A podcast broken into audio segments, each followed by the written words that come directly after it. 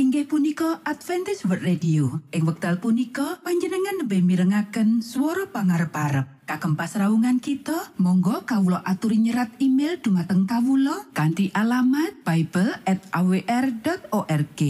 utawi panjenengan uki saged layanan kalian Kawulo lumantar WhatsApp kanti nomor plus setunggal saged layanan kalian Kawulo kalh kalh sekawan kalh kalh kalh inggih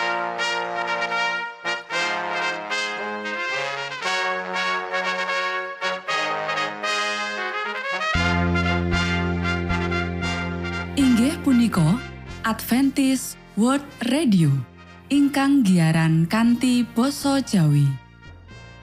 Tentrem Rahayu kula aturaken kagem para mitra kinasih ing pundi papan lan panggonan. Sugeng pepanggian malih kalian Adventist World Radio. Kanti bingahing manah Kulo badhe sesarengan kalian para mitra kinasih lumantar saperangan adicara ingkang sampun rinonci mligi kagem panjenengan sami. Mugi giaran punika saged migunani tuwin dados berkah kagem kita sedaya. Sugeng midhangetaken Gusti amberkahi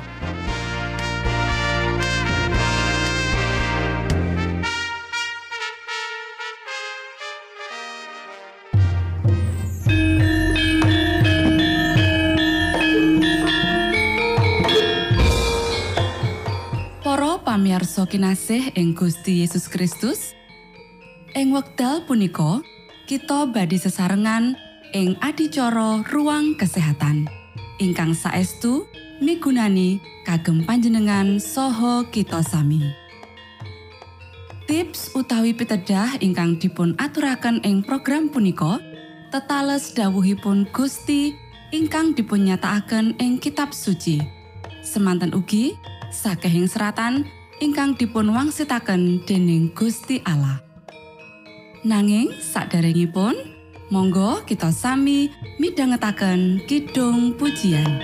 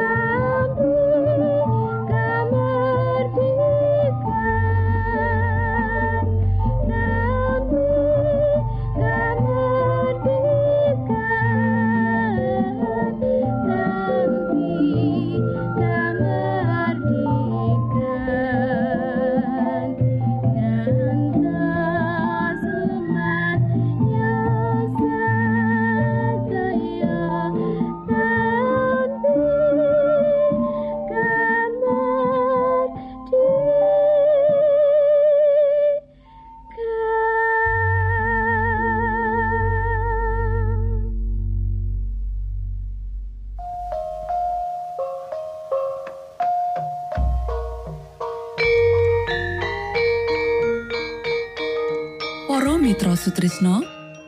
Puji syukur dumateng Gusti ingkang murbeng dumati ingkang sampun kepareng paring wewenngan kagem kita. Satemah saged nglajengaken ruang kesehatan.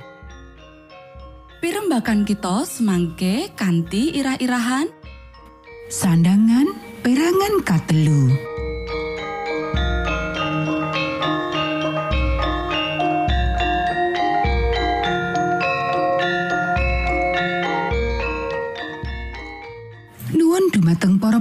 Pamiarsa ingkang dahat kinurmatan, sugeng pepanggihan malih kalian kula Isti Kurnaidi ing adicara ruang kesehatan.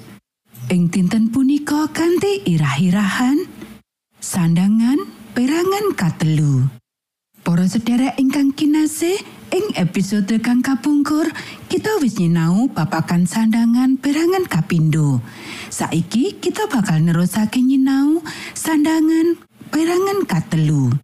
Para sedherek ingkang kinasih, Ibu ora duweni wektu kanggo nyinaoni prinsip-prinsip perkembangane awak supaya dheweke ngerti kepiye ngopeni kesehatan anak-anake. Dheweke ora duweni wektu kanggo nglateni kebutuhan pikiran lan rohanine. Ora ana wektu kanggo ngesokake rasa simpati marang anak-anake nalika tuwa rasa kuciwa cilik lan pacoban utawa kanggo melu sakjroning minat lan panggolekane. Meh mangkono nalika nembe lair, anak-anak iku diatekake marang pengaruh mode. Dheweke krungu luwih akeh ngenani mode sandangan katimbang ngenani juru wilujeng. Anak-anak ningali ibu luwih tekun nyemak buku-buku mode ketimbang maca Alkitab. Pamer sandangan dianggep atuh luwih penting tinimbang perkembangane kapribaden. Wong tua lan anak-anak dirampok saka bab sing paling apik lan paling manis lan sejati sakjroning urip. Amarga mode padha ora ngenekake persiapan kanggo panguripan sing bakal teka. Ya iku mungso kabeh sing apik sing bujuk penciptaane mode sing terus owah kingsir iku. Ora ana sing mangkono dikarepake kaya dene ngetokake kasusahan lan panginan kanggo Gusti kanthi cara nganakake kasengsaran lan katiwasan manungsa. Salah siji cara sing endi dheweke banget kasil kanggo iku, ya iku mode sandangan sing ngringkehake awak lan uga nglempohake pikiran lan ngremehake jiwa. Para sederek ingkang kinasih, para wanita atu arep karo leloro-leloro sing parah lan kasangsarane luwih tambah parah kanggo carane nganggo sandangan. Kantine ngopeni kesehatan kanggo kahanan darurat sing mesti bakal teko, oleh pakulinan-pakulinan sing kleru, dheweke asring banget ngorbanake tutumung kesehatan nanging uga nyawa lan ninggalake marang anak-anake warisan ciloko arupa kahanan awak sing bobrok, pakulinan-pakulinan sing nyimpang lan pamikiran palsu babagan panguripan. Salah siji saka alat pamborosan lan rancangan mode sing jahat, ya iku rok sing nyapu lemah, reget, ora nyaman, ora bebas, lan ora sehat. Luwih-luwih maneh nganggo rok dawa nganggo buntut. Iku iya pemborosan, merga kejaba merlokake bahan sing akeh banget, uga arang dienggo merga dawane. Lan sapa wae sing tau weruh wanita nganggo rok dawa nganggo buntut iku, nganggo tangan loro ngangkat bagian rok nalika munggah mudhun tratakan, nalika munggah kendaraan umum, mlaku ana ing tengah-tengah kruyukan wong akeh, mlaku wektu udan utawa ning dalan sing blekuk. Ora perlu bukti liyane maneh menawa sandangan kaya iku ora nyenengake lan ora nyaman. Para sederek, ana maneh kejahatan tenanan yaiku nganggo rok sing abote kudu dipikul dening bangkean. Sandangan sing abot iki nekan organ-organ awak jero, deret mangisor lan jalari karingkihan ana weteng lan nyebabake kelesuan nganti sing nganggo condong bungkuk sing sak teruse ngebot-eboti paru-paru nganti ambekan sing bener dadi luwih angel. Para sedherek ingkang kinasih, Saksuwene taun-taun pungkasan iki wis diomongake dawa-dawa perkara bebaya akibat tekanan marang pangkean saengga mung sedidik wong sing ora ngerti babagan iki. Nanging mangkono, gede kekuatane mode nganti kejahatan iki terus lumaku. Kanthi cara kaya iki, kaum wanita lan anak-anak prawan cilik lagi munculake bebaya sing ora dinira marang dirine dhewe. Para sedherek ingkang pinasih, ya iki penting kanggo kesehatan supaya rongga dada duweni cukup ruangan kanggo ngembang saamba-ambane nganti paru-paru bisa kerja sawutuwe. Menawa paru-paru kateken, mula jumlahe oksigen sing mlebu sak jerone kurang. Getih ora entuk kabisan sing sampurno. Lan sat-sat uwo sing ngandut racun sing kutune dibuang lumantar paru-paru tetep ana ing kono. Tambahan uga peredarane bakal kaganggu lan organ-organ jero awak dadi abot banget saingga organ-organ iku ora bisa ngleksanakake panggawene kanthi sak mestine. Matur nuwun, Gusti amberkahi.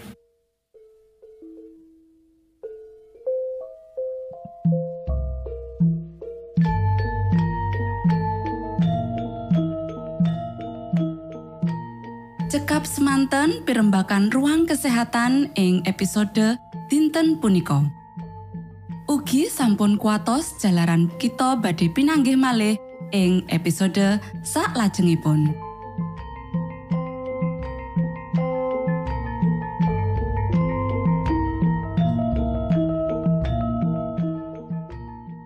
Inggih punika adicara ruang kesehatan. Menawi panjenengan gadah pitakenan utawi ngersakaken katrangan ingkang langkung, monggo kulo aturi kinton email dateng alamat ejcawr at gmail.com utawi lumantar WhatsApp kanti nomor 025 pitu 00 songo songo papat 00 pitu.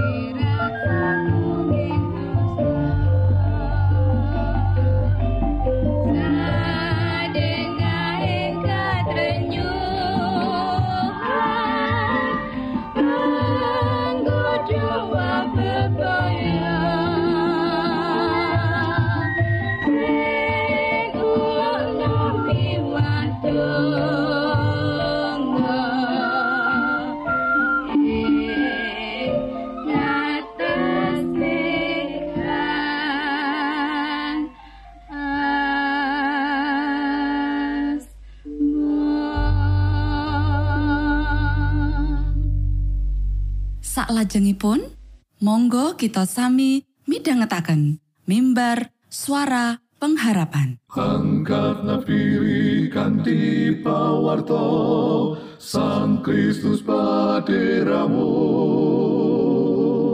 Pro umat samyo puji asmanyo Sang Kristus paderamu. Inggih punika mimbar suara pengharapan. Ing episode punika kanthi irah-irahan Jejibahan setunggalipun penata layan. sugeng minangka tondo Sang Kristus paderamu ilmu kawero tambah tambah Sang Kristus paderamu paderamu paderamu Sang Kristus paderamu Shalom para pamiarsa ingkang kinasih wonten ing Gusti. Sakmenika kita badhe mitangetaken renungan Sabtu pangantikanipun Gusti. Ing dinten punika kanthi irah-irahan jejibahan setunggalipun penata layan. Para sedherek ingkang kinasih, Sabtu pangantikanipun Gusti wonten ing kitab Rom pasal kalih welas ayat wolu inggih punika Yen ganjaran mau kanggo mituturi, ya padha mituturana. Sapa kang ngetum apa-apa anggone nindakake akan tiyo ati kang ikhlas.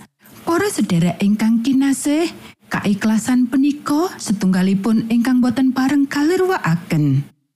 Namung sampun ngantos tiang suge utawi ingkang sekeng sanadyan sekedap mawon menggalih bilih pisungsungipun dumateng Gusti Allah saged nebus cacat kapribatosan Kristen piyambakipun. Rasul ageng ngendika, sanadyan kula nyaosaken sedaya pondo kagem maringi tetedan tiang sekeng, lan sanadyan kula nyaosaken badan kawula kagem kabesmi. Namung menawi boten tulus, menika boten wonten tegesipun. Para sederek, kagem nuwuhaken roh kesainan wonten salebetipun diri kita, pramila Gusti ngersakaken cecaosan lan pisungsung saking kita. Kagem maringaken sedaya perkawis kagem petalemanipun. Panjenenganipun boten kumantung dumateng kawula. Panjenenganipun ngandharaken lumantar para nabi. Saben kewan ing alas menika kagungan ingsun. lan kewan open-open ing gunung-gunung. Para sederek, Gusti Allah saged mawon dadosaken para malaikat dados utusan-utusan kalersanipun. Panjenenganipun saged mawon maringi pirsa kersanipun kanthi suwantenipun priyangga nalika ngandharaken wewaler saking Sinai. Namung panjenenganipun sampun milih kagem ngaryakaken priya lan wanita nindakaken pakaryan menika. lan namung menawi kita netepi karsanipun Gusti Allah salebetipun pangriptanipun kita pramila pagesangan saged dados berkah kagem kita sedaya kesukihan ingkang kapitadosaken dumateng kita namung badhe dados kutuk kejawi kita ngginakaken kagem nyekapi kabetahan kita saben dinten lan tiang-tiang ingkang betahaken sak kanan kirining kita sarta kagem mulyakaken Gusti Allah kanthi majengaken pakaryanipun ing jagat. Para sederek, panguwaos paling inggil wonten ing swarga maringi dawuhipun ingkang agung. Kamulyanipun kalian Sang Rama lan kepara pagesanganipun priyangga kagem milujengaken kita. Lan sak menika, menapa ingkang badhe kita tindakaken kagem panjenenganipun? Gusti Allah ngawisi putra-putra ingkang ngakeni panjenenganipun gesang kagem piyambak-piyambakipun. Wonten saklebetipun pagesangan menika, panjenenganipun ngersakaken supados sedaya sesagetan kita dipun ginakaken. Para sederek, kita mboten pareng nganggep pro sepuluhan dados watesan kagem kamartikan kita. Tiang-tiang Yahudi kawajibaken ngasta sakwilangan pisungsung dumateng Gusti Allah sanesipun prosepuluhan. Lan menapa boten kita ingkang sampun ngrahapi berkah Injil menika nindakaken kados mekaten kagem memetri pakaryanipun Gusti Allah kados dene katindakaken dening paugeran saderengipun ingkang kirang karenan nyondongi kalian sansaya wiyaripun pakaryan ing wekdal menika ing jagat timbalan kagem pambiyantu tansah sansaya mindak Monggo kita kanthi sukarena ngaturaken woh sepisanan peparingipun dumateng pangripta kita. Pondo kagungan kita ingkang paling aos lan paling suci. Monggo kita sami ndedonga. Duh Rama kawula ingkang wonten ing swarga, asma patuko mugi kasucikaken. Kraton patuko mugi rawuh. Karso patuko mugi kalampahan wonten ing bumi kados dene wonten ing swarga. Kawula mugi kaparingan rejeki kawula sak cekapipun ing dinten punika. Soho patuko mugi ngapunten kalepatan kawula kados dene kawula inggih ngapunteni tetiang ingkang kalepatan dhateng kawula. Punapa dene kawula mugi sampun ngantos katantukaken dhateng ing panggoda nanging mugi sami patuko uwalaken saking piawon. Awit dene patuko ingkang kagungan kraton saha wisesa tuwin kamulyan salami laminipun. Amin.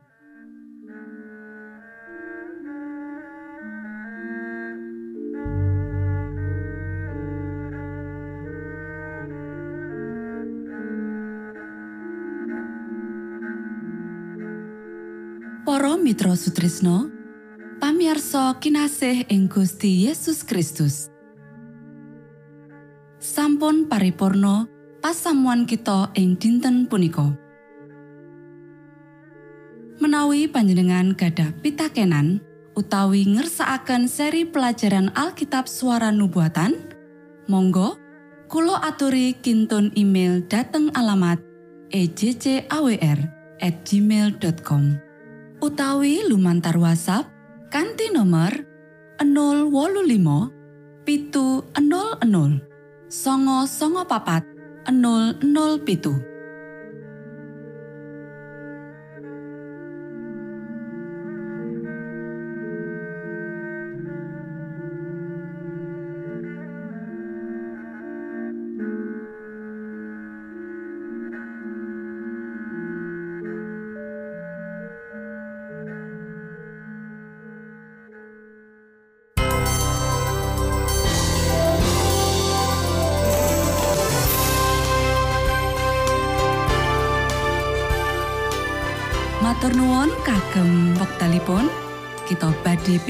malih ing gelombang ugi wekdal ingkang sami. Saking studio kula ngaturaken tentrem rahayu. Gusti amberkahi kita sedaya. Maranatha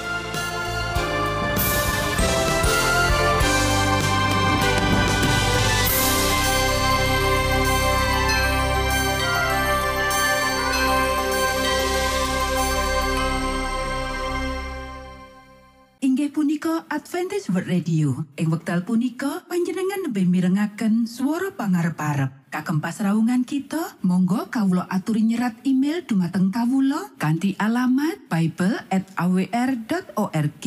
Utawi panjenengan ugi saged layanan kalian kawula lumantar WhatsApp kanthi nomor plus setunggal saged layanan kalian kawula kalih kalih sekawan kalih kalih kalih